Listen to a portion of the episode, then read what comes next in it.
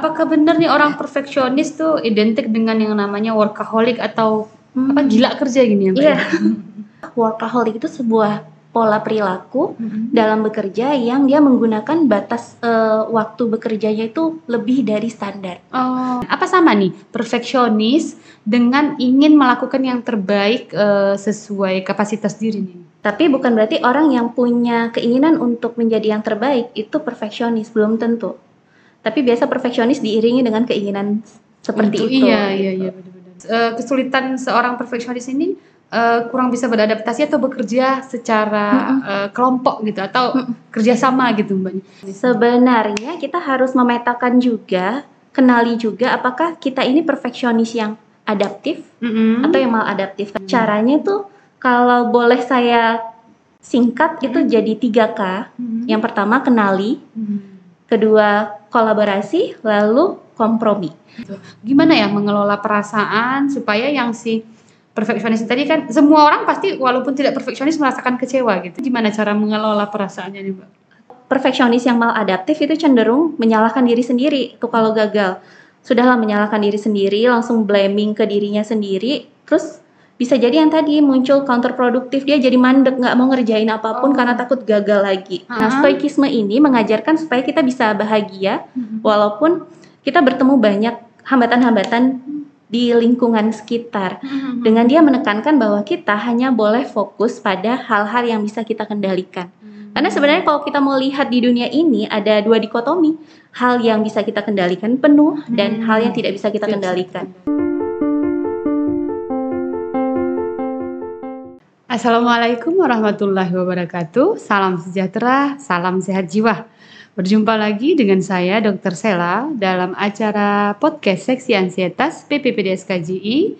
Dan pada episode kali ini saya sudah kedatangan tamu eh, Risti Desta Mahestri Ginting, MPC psikolog. Benar ya nih ya Kak ya? Saya panggilnya Kakak boleh ya Kak? Boleh, boleh.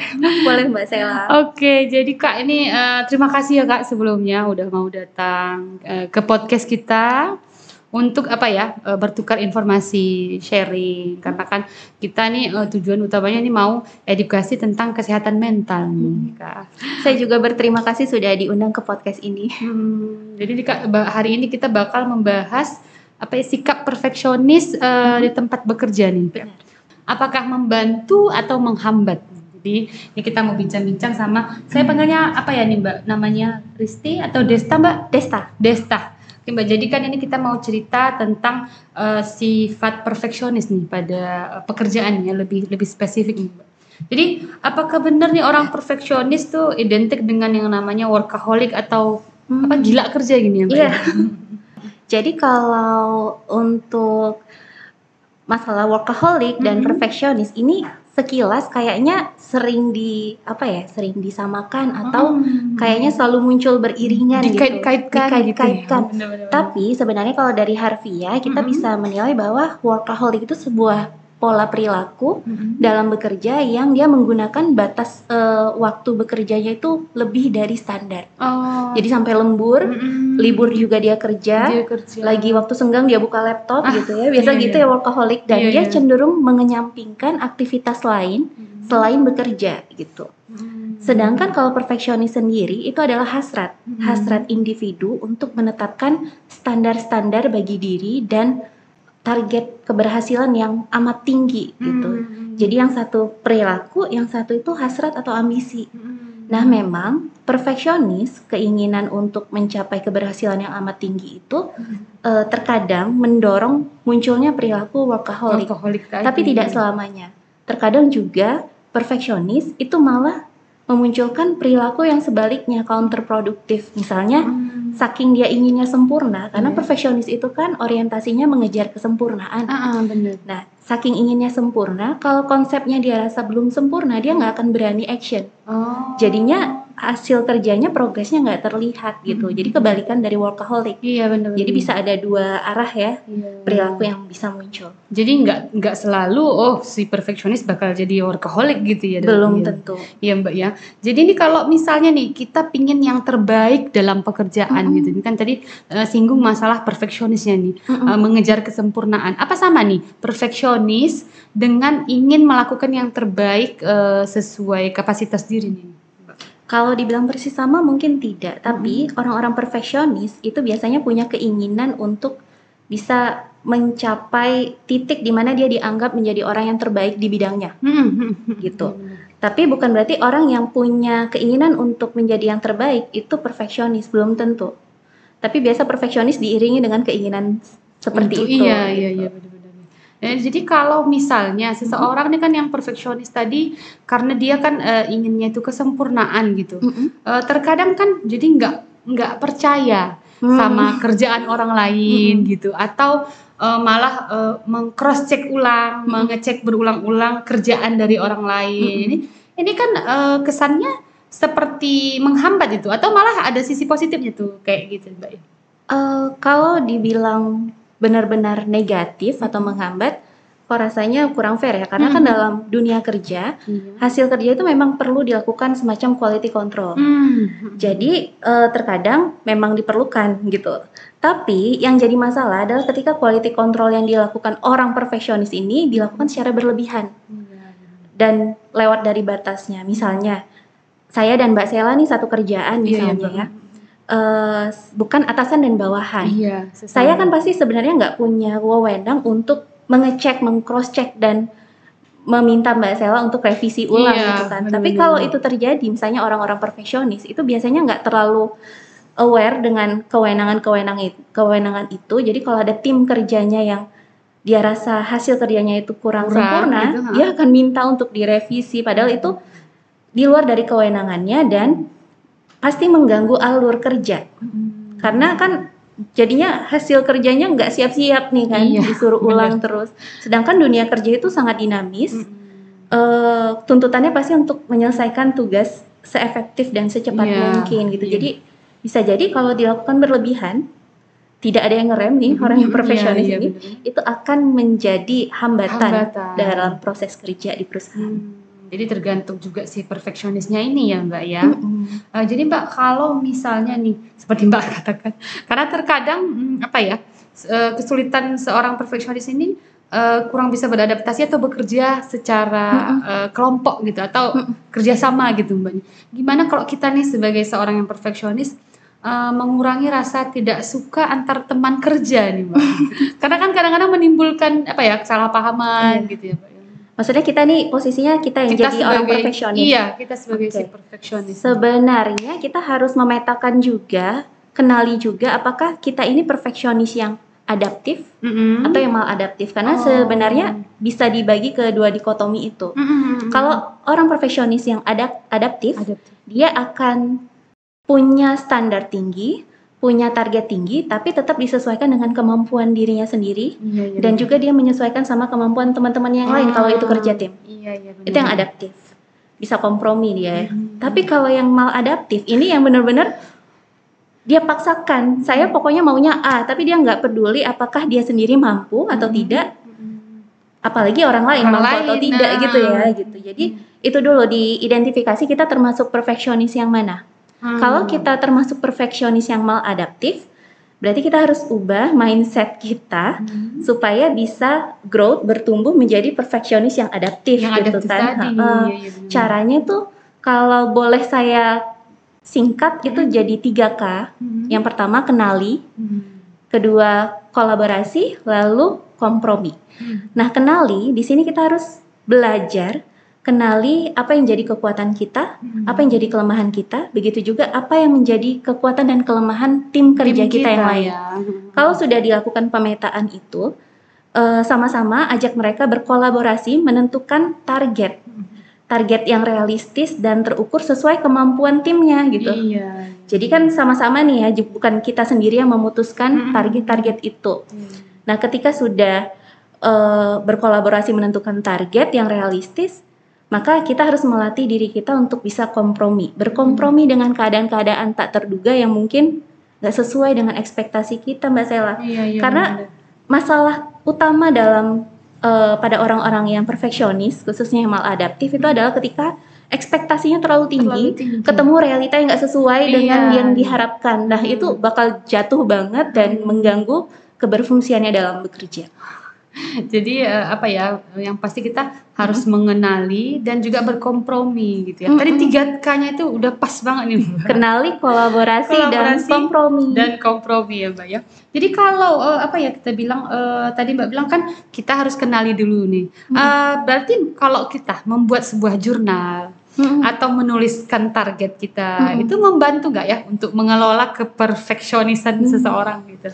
Nah, jurnal mungkin em, bisa disamain persepsinya ini ya Mbak ya. Jadi jurnal itu adalah catatan pribadi yang Hmm. dituliskan harian mengenai pemikiran dan perasaan gitu ya. Mm. Bukan jurnal Iya, penelitian ya. bukan bukan jurnal penelitian Oke. iya, benar. Nah, eh, itu sangat mem- membantu, membantu untuk proses yang pertama tadi, Iya. kenali. Oh. Jadi ketika kita punya target, tulis tuh di buku harian ya atau ya Hmm. di buku jurnal itulah apa yang jadi target kita, tuliskan. Iya. Lalu di bawahnya kita breakdown apa yang menjadi kekuatan dan apa yang menjadi kelemahan. Kelemahan. Lalu kita analisa lagi Mm. kekuatan kita bisa mendukung atau tidak untuk mencapai target itu. Mhm. Begitu juga kelemahan, Kelemahan kita, ini kita. bakal jadi kendala nggak? Oh. Kalau jadi kendala, kita harus siap untuk misalnya menurunkan standar target Hmm. atau mencari cara antisipasi lainnya gitu. Jadi pada akhirnya target akhirnya itu bisa berubah menjadi target yang lebih realistis. Jadi sepertinya malah membantu ya Mbak ya bisa jadi menjadi salah satu tips untuk orang Mm. perfeksionis Mm. untuk mengenali eh, kemudian maksudnya menentukan langkah selanjutnya gitu ya. Mbak ya. Jadi jangan sedih kalau dibilang wah kamu terlalu perfeksionis, Mm. tapi kita kan tetap harus berkembang ya. Kita harus kenali ini perfeksionis yang adaptif atau tidak. Iya. Kalau tidak, tenang saja masih ada kesempatan untuk bertumbuh menjadi, Menjadi perfeksionis yang adaptif, adaptif gitu. tadi ya ya. Mbak ya. Dan ini kan eh, karena kan eh, ke apa keadaan di dunia kerja kan nggak sesuai selalu dengan kehendak kita gini. Jadi eh, jika pada suatu masa seorang perfeksionis mengalami yang namanya kegagalan Mm-mm. atau tidak mencapai target gitu. Gimana ya mengelola perasaan supaya yang si perfeksionis tadi kan semua orang pasti walaupun tidak perfeksionis merasakan kecewa gitu ya Mbak ya. Iya. Jadi kalau per- si perfeksionis ini kan lebih karena aduh merasa eh, karena targetnya tadi ada kesempurnaan terus dia gagal atau nggak tercapai itu gimana cara mengelola perasaannya nih Mbak? Oke, yang pertama dia harus punya mindset bahwa ketika dia gagal, sedih itu adalah reaksi emosional yang wajar ya kan Mbak Sela. Kayak tadi Mbak Sela bilang, orang yang non perfeksionis pun Mm-mm. ketika mengalami kegagalan pasti sedih. Iya, Cuman benar. intensinya lebih tinggi nih kayaknya kalau yang perfeksionis. Perfeksionis ya. Eh, mak- makanya memang kalau perfeksionis yang maladaptif itu cenderung menyalahkan diri sendiri tuh kalau gagal. Sudahlah menyalahkan diri sendiri, langsung blaming ke dirinya sendiri, terus bisa jadi yang tadi muncul counterproduktif dia jadi mandek nggak mau ngerjain apa pun Oh. karena takut gagal lagi. Ini kan disayangkan ya. Iya benar. Nah, jadinya itu kita eh, sebagai orang-orang perfeksionis itu harus mengantisipasi hal tersebut. Yang pertama, kita harus menerima bahwa kegagalan itu adalah bagian dari proses. It's okay to make mistake gitu. Mm. Dan kedua, jadikan si kegagalan ini menjadi ajang untuk belajar. Iya. Tadi ada jurnal kan, Ah. ditulis di situ juga. Aku hari ini gagal, gagalnya karena A, B, C, D. Hmm. Tapi selain kegagalan ini, ada yang sudah berhasil kulakukan. Dia dari sekian banyak proses pasti nggak semuanya gagal kan? Iya benar benar. Pasti sudah ada tahapan-tahapan yang dia sudah berhasil Sudah mel- berhasil. melakukan. Itu juga dicatat. Kemudian nanti disusun lagi. Oh, berikutnya berarti yang ini Mhm. eh, proses yang ini harus kuperbaiki dengan A, B, C, D gitu. Jadi jurnal tadi itu sebenarnya sangat membantu sekali. Iya, Sama benar. juga ubah mindset. Iya benar. Kan karena tadi orientasinya adalah kesempurnaan, padahal nggak ada manusia yang sempurna. Sempurna cuma milik Tuhan ya kan, Iya, Mbak. benar, benar. Jadi dia harus punya mindset bahwa nggak apa-apa kok kalau tidak sempurna. Iya. Jadi ketakutan orang perfeksionis ini ketika dia tidak sempurna itu adalah dia tidak akan diterima oleh lingkungan, tidak akan menerima kasih sayang dari lingkungan. Padahal eh, sebenarnya kan dia berharga, Iya. terlepas dari dia sukses atau, Sukses atau tidak, dia tidak. sebagai manusia itu berharga. Itu Iya. yang harus diubah mindsetnya bahwa it's okay juga untuk not to be perfect gitu. Mm, nggak harus menjadi orang yang sempurna di segala keadaan, segala kondisi Iya, ya Mbak Karena ya. kan dia manusia bukan robot. Iya. Benar-benar Mbak. Gitu. Ya, tadi kan kalau kita bahas kan kitanya nih sebagai seseorang yang perfeksionis. Terus tadi juga Mbak udah membahas kalau kita di sesama apa ya istilahnya eh, sesama staff misalnya atau yang setara kedudukannya itu masih bisa lah kita tanggulangi gitu. Tapi kalau kita nih di tempat kerja punya atasan nih, atasan atau eh, pimpinan yang perfeksionis, gimana ya cara kita sebagai staff, sebagai bawahan untuk apa? Setidaknya tidak membuat si bos kita merasa, aduh, oh, ini nggak bisa nih gitu. Ini gimana? Ada tips dan trik di tempat kerja nih Mbak? Iya, saya juga pernah ngalamin loh ketemu atasan yang kayaknya jadi momok ya kalau mau Oh. ke kantor tuh takut gitu ya ketemu Ah, dia. benar-benar. Dulu saya eh, pengennya ngerubah semua itu. Maksudnya saya pengen atasan saya berubah sesuai kemauan saya. Ah, Tentu juga eh, karyawan-karyawan lain, mungkin Lain. juga punya pikiran gitu ya ketika Hmm. ngadepin atasan yang perfeksionis iya iya gitu. benar-benar Mbak. Tapi eh kalau kita lihat dari ada satu filosofi, saya suka sekali dengan filosofi ini. Pertama kali saya dikenalin sama teman saya. Hmm. Jadi filosofinya tentang stoikisme. Hmm? Pernah dengar Mbak Sela? Belum dong, nggak pernah baru. Jadi kalau mau lebih jelasnya tuh nanti baca di buku eh, filosofi teras. Nah, Ah. stoikisme ini mengajarkan supaya kita bisa bahagia Hmm. walaupun kita bertemu banyak hambatan-hambatan di lingkungan sekitar. Hmm. Dengan dia menekankan bahwa kita hanya boleh fokus pada hal-hal yang bisa kita kendalikan. Karena sebenarnya kalau kita mau lihat di dunia ini ada dua dikotomi, hal yang bisa kita kendalikan penuh dan Hmm. hal yang tidak bisa kita bisa kendalikan. Yang bisa kita kendalikan itu adalah diri kita sendiri, mulai dari perasaan, pemikiran Iya. dan perilaku. Sedangkan atasan itu menjadi hal luar yang kayak nggak bisa, kita Iya benar-benar. ubah kan. Jadi ketika kita punya orientasinya untuk mengubah hal yang nggak bisa kita Nah, ubah, ubah.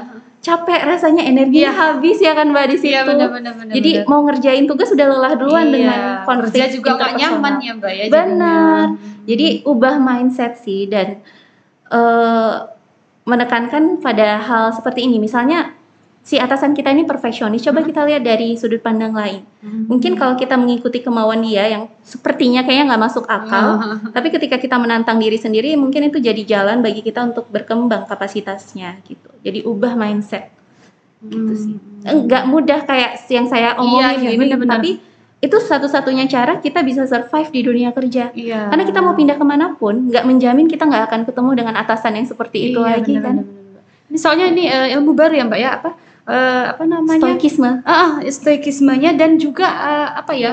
eh perfect apa kita bakal berjumpa orang yang perfeksionis ini nggak hanya di dunia kerja kan gitu ya. Iya. Jadi bisa kita jumpai di mana saja, di kondisi apa saja itu bisa terjadi. Misalnya seperti saya nih sedang sekolah, bisa aja gitu jumpa Benar. dengan teman yang perfeksionis, Iya. senior yang perfeksionis gitu kan. Jadi kalau kita mengambil energi negatifnya saja seperti yang Mbak katakan nih oh, kalau kita niatnya oh gimana caranya merubah nih malah kitanya yang capek nih Capek bener. Iya benar-benar jadi tuh eh, ini saya harusnya berterima kasih nih ilmunya hari ini untuk saya Oh, juga nih khusus soalnya nih.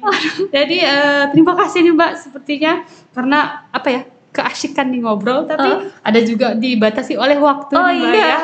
Jadi di lain kesempatan nanti kalau ada waktu kita undang lagi boleh ya Mbak. Oh boleh sekali, saya tunggu ya undangannya. Iya, ini Mbak nih eh, apa ada apa sejenis sekolah sekolah ada praktiknya atau tempat kerja di Oh mana nih, iya, Mbak? jadi sejauh ini Hmm. saya eh, jadi staf pengajar di salah satu universitas di Medan Oh di ngajar ya, psikologi. Ya? Eh, kemudian untuk prakteknya itu sendiri saya lebih banyak menjadi konsultan di beberapa perusahaan. Yang kalau misalnya nih eh, saya mau bawa anak atau Oh, apakah kalau itu itu. ke mana? Kalau itu ada beberapa, kalau untuk anak, kebetulan saya bidangnya adalah di eh, psikologi industri yang Hmm. memang sering bersinggungan sama karyawan. Oh. Tapi kalau untuk anak itu ada spesialisasi lainnya lagi. Hmm. Nanti bisa saya rekomendasikan. Oh gitu. Jadi memang Mbak ada eh, apa apa namanya spesialisasinya itu ke Iya. psikologi eh, Industri. pekerja, eh, industri. Iya. Jadi lebih memang eh, menangani eh, orang-orang di perusahaan Mm-mm. gitu ya Mbak ya. Dinamika kerja Hmm. gitu. Oh gitu. Tapi memang juga aktif mengajar ya Mbak ya. Iya, sebelakangan ini. Oh, Oke, jadi ini banyak pengalamannya nih. Eh, mudah-mudahan nanti kita ada waktu untuk apa ya? Saya sekedar sharing sama Mbak boleh ya Mbak ya? Boleh, Mbak Sela. Oke, terima kasih sekali lagi sudah apa berbagi nih dengan yang mendengarkan, dengan yang menonton. Mudah-mudahan eh, bisa bermanfaat. Eh, walau singkat, eh, banyak menginspirasi. Um, mungkin di lain kesempatan kita dapat berjumpa lagi. Uh, saya tutup dengan tiada kesehatan tanpa kesehatan mental. Uh, salam sehat jiwa. Wabillahi taufiq wal hidayah. Assalamualaikum warahmatullahi wabarakatuh.